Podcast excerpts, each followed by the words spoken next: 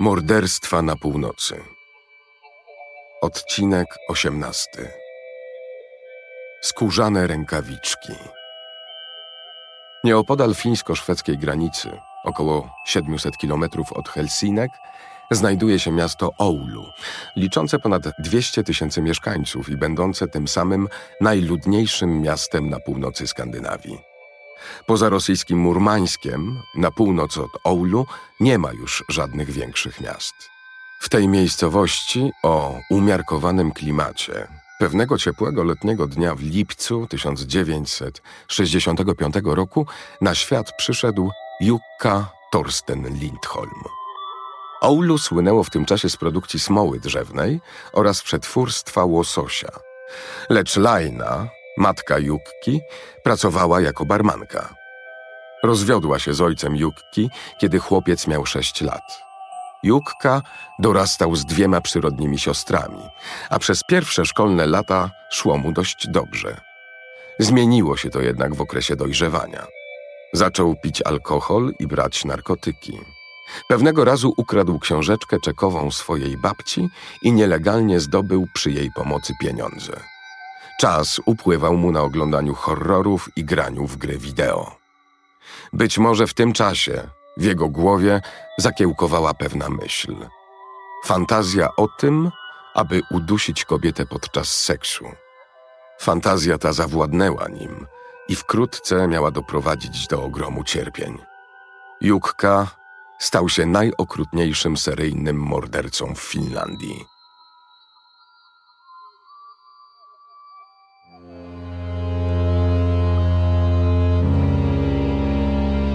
Słuchasz Morderstw na Północy. Serii podcastów o najgłośniejszych morderstwach Skandynawii.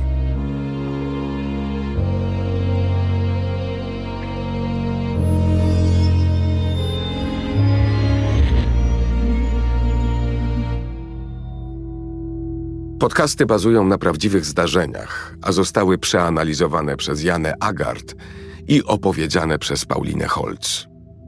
Opisy wydarzeń powstały w oparciu o doniesienia medialne. Niektóre szczegóły pominięto. Powstrzymujemy się od oceniania zarówno zbrodni, jak i sprawcy. Wszystko zostało już osądzone przez wymiar sprawiedliwości. Prosimy pamiętać, że niektóre z opisanych tu szczegółów mogą wywołać silne emocje, zwłaszcza dlatego, że mowa tu o życiu i śmierci autentycznych osób.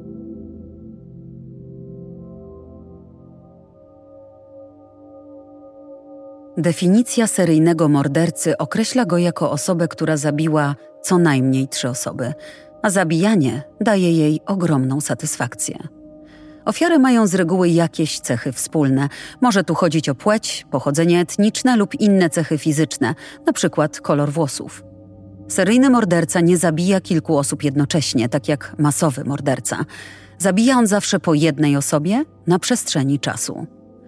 Amerykańskie Federalne Biuro Śledcze, znane powszechnie jako FBI, przeanalizowało zachowanie wielu seryjnych morderców i wyodrębniło szereg klasycznych motywów: zaspokojenie seksualne, wściekłość, pieniądze, potrzeba uwagi lub po prostu podniecenie w chwili zabijania.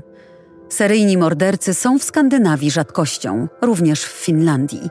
Dlatego przypadek Jukki Turstena Lindholma należy uznać za niezwykły.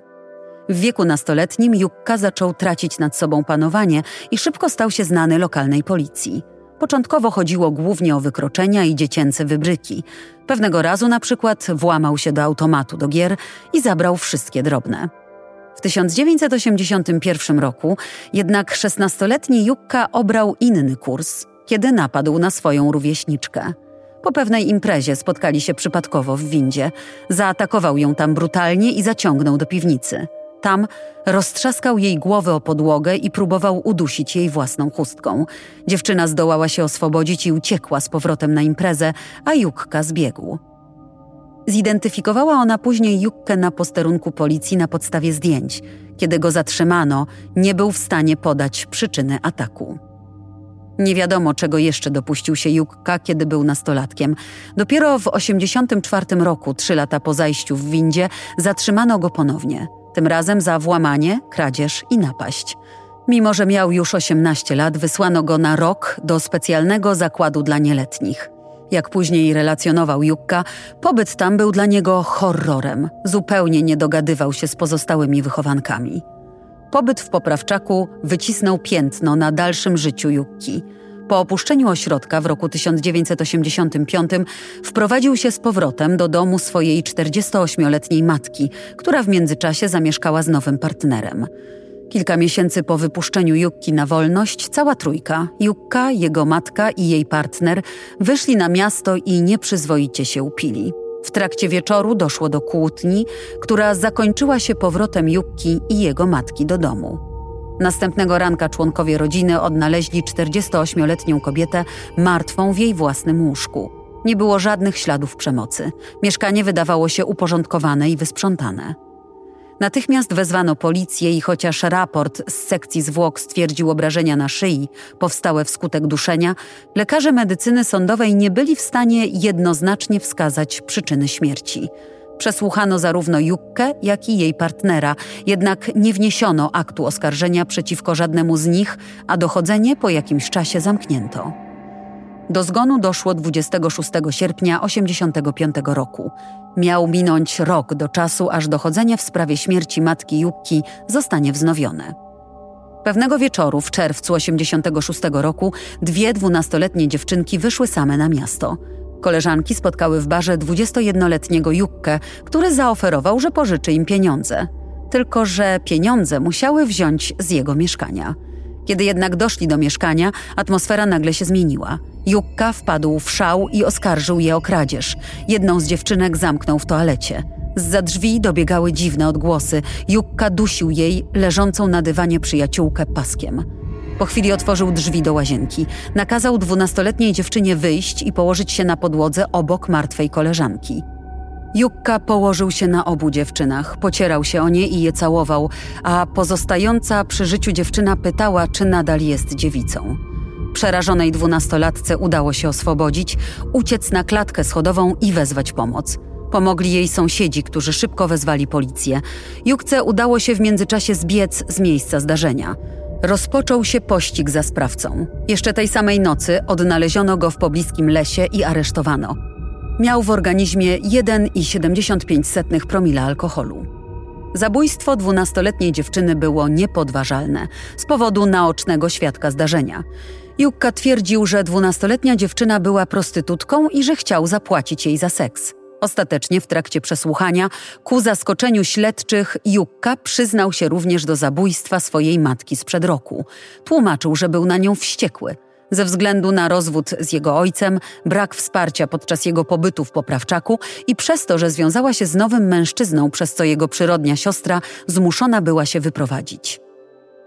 Kiedy jednak w 1987 roku rozpoczęła się rozprawa przed sądem, Jukka częściowo wycofał się ze swoich zeznań. Teraz twierdził, że był pod wpływem narkotyków, kiedy mordował swoją matkę i dwunastoletnią dziewczynę. Nie miał zatem nigdy zamiaru popełnić tych zbrodni. W wieku zaledwie 22 lat skazano go na karę 9 lat i 7 miesięcy pozbawienia wolności za dwa zabójstwa, usiłowanie dwóch gwałtów i napaść. Kiedy wyrok przeciwko Jukce wpłynął do fińskiego sądu apelacyjnego, karę skrócono do 8,5 roku, ponieważ sąd uznał śmierć matki za pobicie ze skutkiem śmiertelnym, a nie za zabójstwo. Już w maju 1992 roku, po odbyciu sześciu lat kary, 26-letni Jukka wniósł o warunkowe zawieszenie wykonania kary, a jego wniosek został ostatecznie rozpatrzony pozytywnie.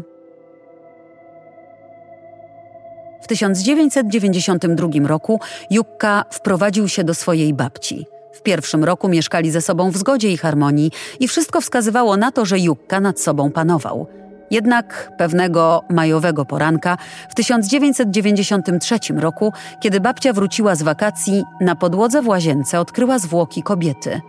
42-latkę uduszono przy pomocy tkanego paska. Jukkę niezwłocznie aresztowano i przesłuchano. Tłumacząc się obszernie, opowiedział, jak spotkał kobietę w mieście i chciał kupić od niej broń. Podczas przesłuchania wymyślał różne zarzuty i alibi, jednak ze względu na mnogość dowodów uzyskanych z badań kryminalistycznych, policja i prokuratura miały pewność, że był sprawcą. 13 grudnia 1993 roku sąd uznał 28-letniego Jukkę za winnego zabójstwa i skazał go na 9,5 roku pozbawienia wolności. Prokuratura złożyła odwołanie od wyroku. Powołując się na wcześniejsze przestępstwa, chciała uniknąć możliwości ponownego wnioskowania przez Jukkę o zawieszenie wykonania kary. Ekspertyza psychologa potwierdziła, że Jukka cierpi na zaburzenia psychiczne.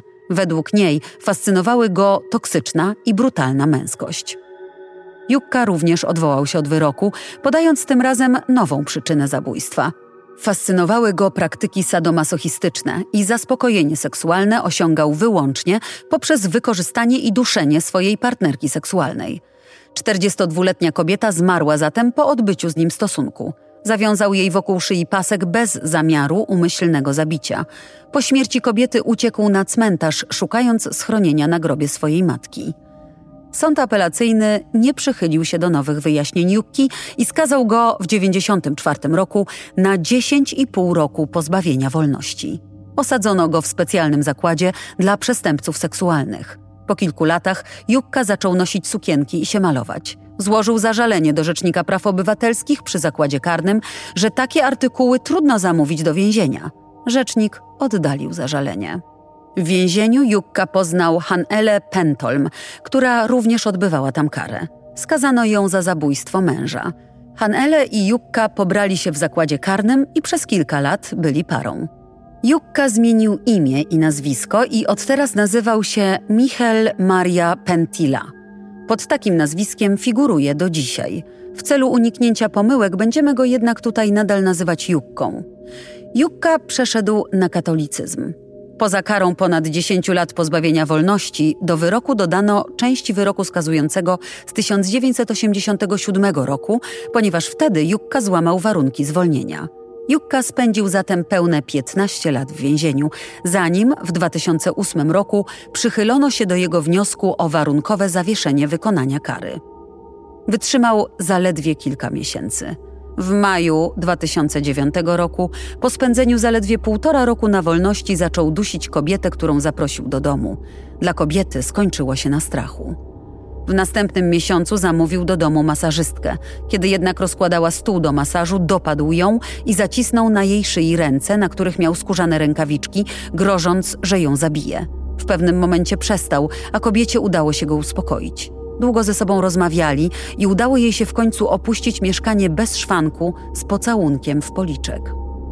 Miesiąc później Juka dopuścił się tego samego czynu na sprzątaczce, która przyszła posprzątać mu dom. Chwycił ją za szyję, jednak ta ugryzła go w rękę i oswobodziła się. Mówił jej, że czuje się samotny i brak mu kobiecego towarzystwa. Sprzątaczka uciekła i wezwała policję. Rok później Jukka znowu stanął przed sądem i tym razem został skazany za usiłowanie dwóch zabójstw i napaść na sześć lat pozbawienia wolności. Tym razem bez możliwości zawieszenia. Ponownie złożono odwołanie od wyroku. Sąd apelacyjny tym razem złagodził karę i oświadczył, że chodziło o trzy napaści i że prokuratura nie udowodniła, że Jukka próbował zabić kobiety.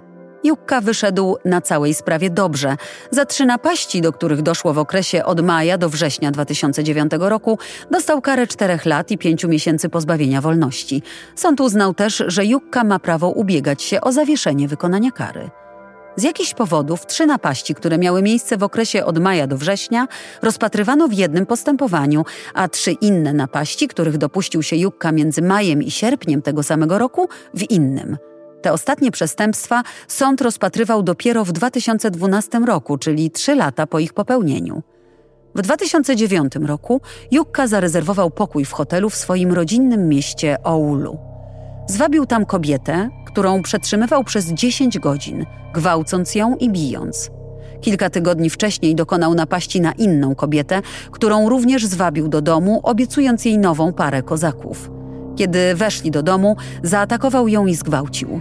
I tym razem Jukkę skazano na karę pozbawienia wolności w wymiarze 4 lat i 4 miesięcy. Przychylono się do żądania prokuratury, aby Jukki nie zwalniać warunkowo z więzienia. Podczas odbywania kary Jukce udało się zbiec wraz z innym więźniem.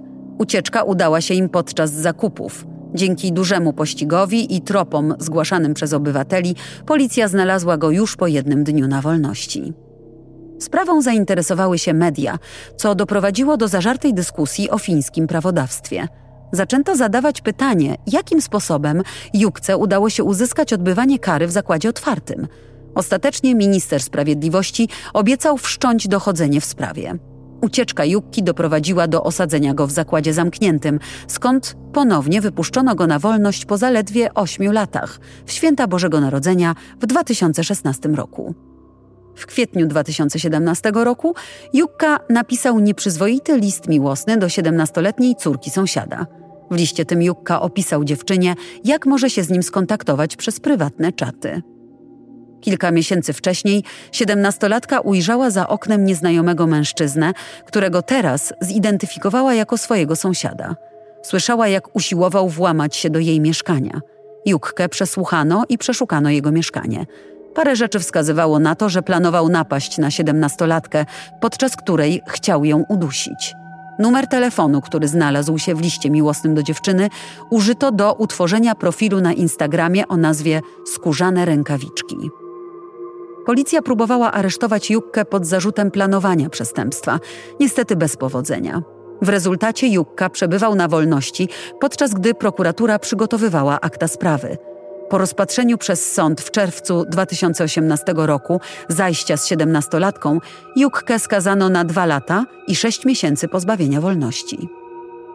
Wyrok zapadł jednak za późno. Miesiąc wcześniej Jukka przez portal randkowy nawiązał kontakt z 52-letnią pracownicą seksualną. Umówili się na spotkanie w jej mieszkaniu w Helsinkach. Tam udusił ją najpierw rękoma, później paskiem i na końcu parą nylonowych pończoch. Kilka dni później została odnaleziona przez dozorcę, którego zaniepokoił duszący smród. Chcąc sprawdzić jego źródło, odnalazł kobietę martwą pod łóżkiem. Dowody przeciwko Jukce w sprawie zabójstwa 52-letniej pracownicy seksualnej były miażdżące. Lista połączeń telefonu ofiary wskazywała, że kilka miesięcy wcześniej Jukka dzwonił do niej ze swojego numeru. Nagrania wideo jednego z kiosków pokazały, że dzień wcześniej Jukka kupił telefon komórkowy na kartę SIM. Tego numeru telefonu użył, aby umówić się na spotkanie. Na innych nagraniach z monitoringu widać go było z odnalezioną później torbą. Znajdował się w niej skórzany pasek i pończochy, na których znajdowało się DNA ofiary. DNA Jukki odkryto na pasku kobiety zmarłej w mieszkaniu. Resztę mieszkania gruntownie wyczyszczono. Prokuratura była pewna, że dysponuje wystarczającymi dowodami, aby oskarżyć Jukkę o umyślne zabójstwo, czyli czyn, za który w Finlandii dostaje się dożywocie. Jednak Czym właściwie jest dożywotnia kara pozbawienia wolności w fińskim prawie? Po 12 latach odbycia kary pozbawienia wolności można wystąpić do sądu apelacyjnego w Helsinkach o warunkowe zawieszenie wykonania kary. W przypadku odrzucenia takiego wniosku, dwa lata później, czyli po 14 latach, można złożyć kolejny. Więźniowie skazani na dożywocie spędzają średnio 14 lat w więzieniu. Są jednak pojedyncze przypadki, w których wniosek o zawieszenie wykonywania kary zostaje oddalony i osadzony musi odsiedzieć kolejne lata kary. Najdłuższy dotąd pobyt osadzonego w więzieniu w Finlandii wynosi 22 lata. Postępowanie sądowe w sprawie Jukki było jednym z najszerzej komentowanych w historii. Uchodził za najniebezpieczniejszego człowieka w Finlandii – jego zdjęcie w długich, cienkich, ciemnych włosach, z wyskubanymi brwiami i niebieskimi oczami, widniało przez lata na pierwszych stronach wielu gazet. Nazywano go seryjnym dusicielem i większości Finów znana była jego twarz. Przed sądem Jukka zawsze znajdował dobre wytłumaczenie tego, co się właściwie wydarzyło. Kobieta rozpoznała go ze zdjęć w mediach i wpadła w panikę, kiedy wszedł do jej mieszkania, dlatego ją udusił. Jukka zaprzeczał, jakoby zabójstwo było umyślne, twierdził, że w żaden sposób nie było planowane. Nowego, niezarejestrowanego telefonu komórkowego używał, aby zachować w czasie seksu anonimowość. Przed początkiem postępowania zarządzono ponowne wykonanie ekspertyzy psychologicznej.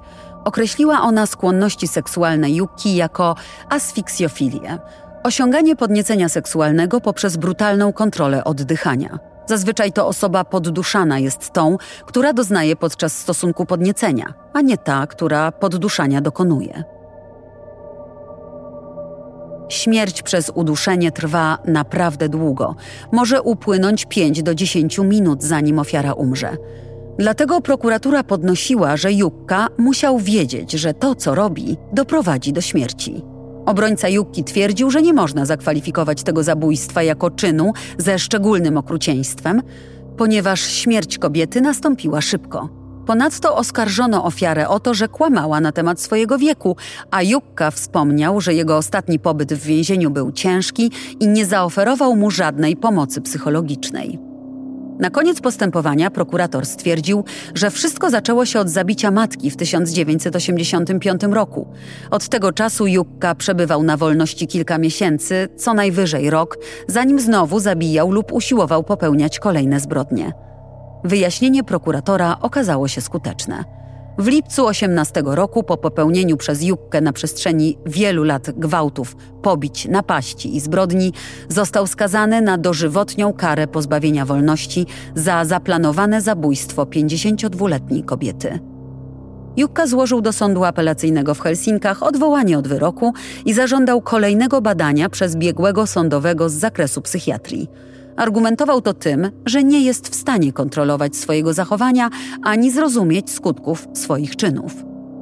Badanie psychiatry wykazało, że w momencie czynu Jukka był całkowicie poczytalny i z tego względu nie należy go poddawać leczeniu psychiatrycznemu. Postępowanie odwoławcze Jukki zostało w kwietniu 2020 roku zawieszone przez sąd apelacyjny w Helsinkach. Zabójstwa dokonano umyślnie, dlatego Jukka musi odbyć dożywocie.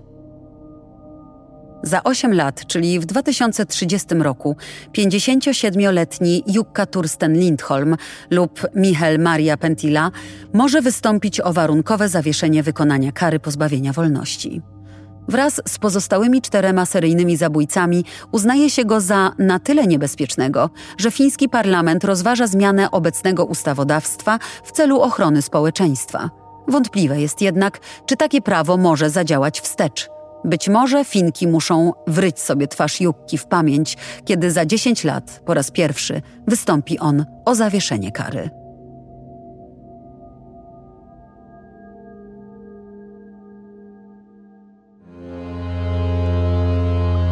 Wersja polska, tłumaczenie i realizacja nagrań Roboto Sound. Czytała Paulina Holz.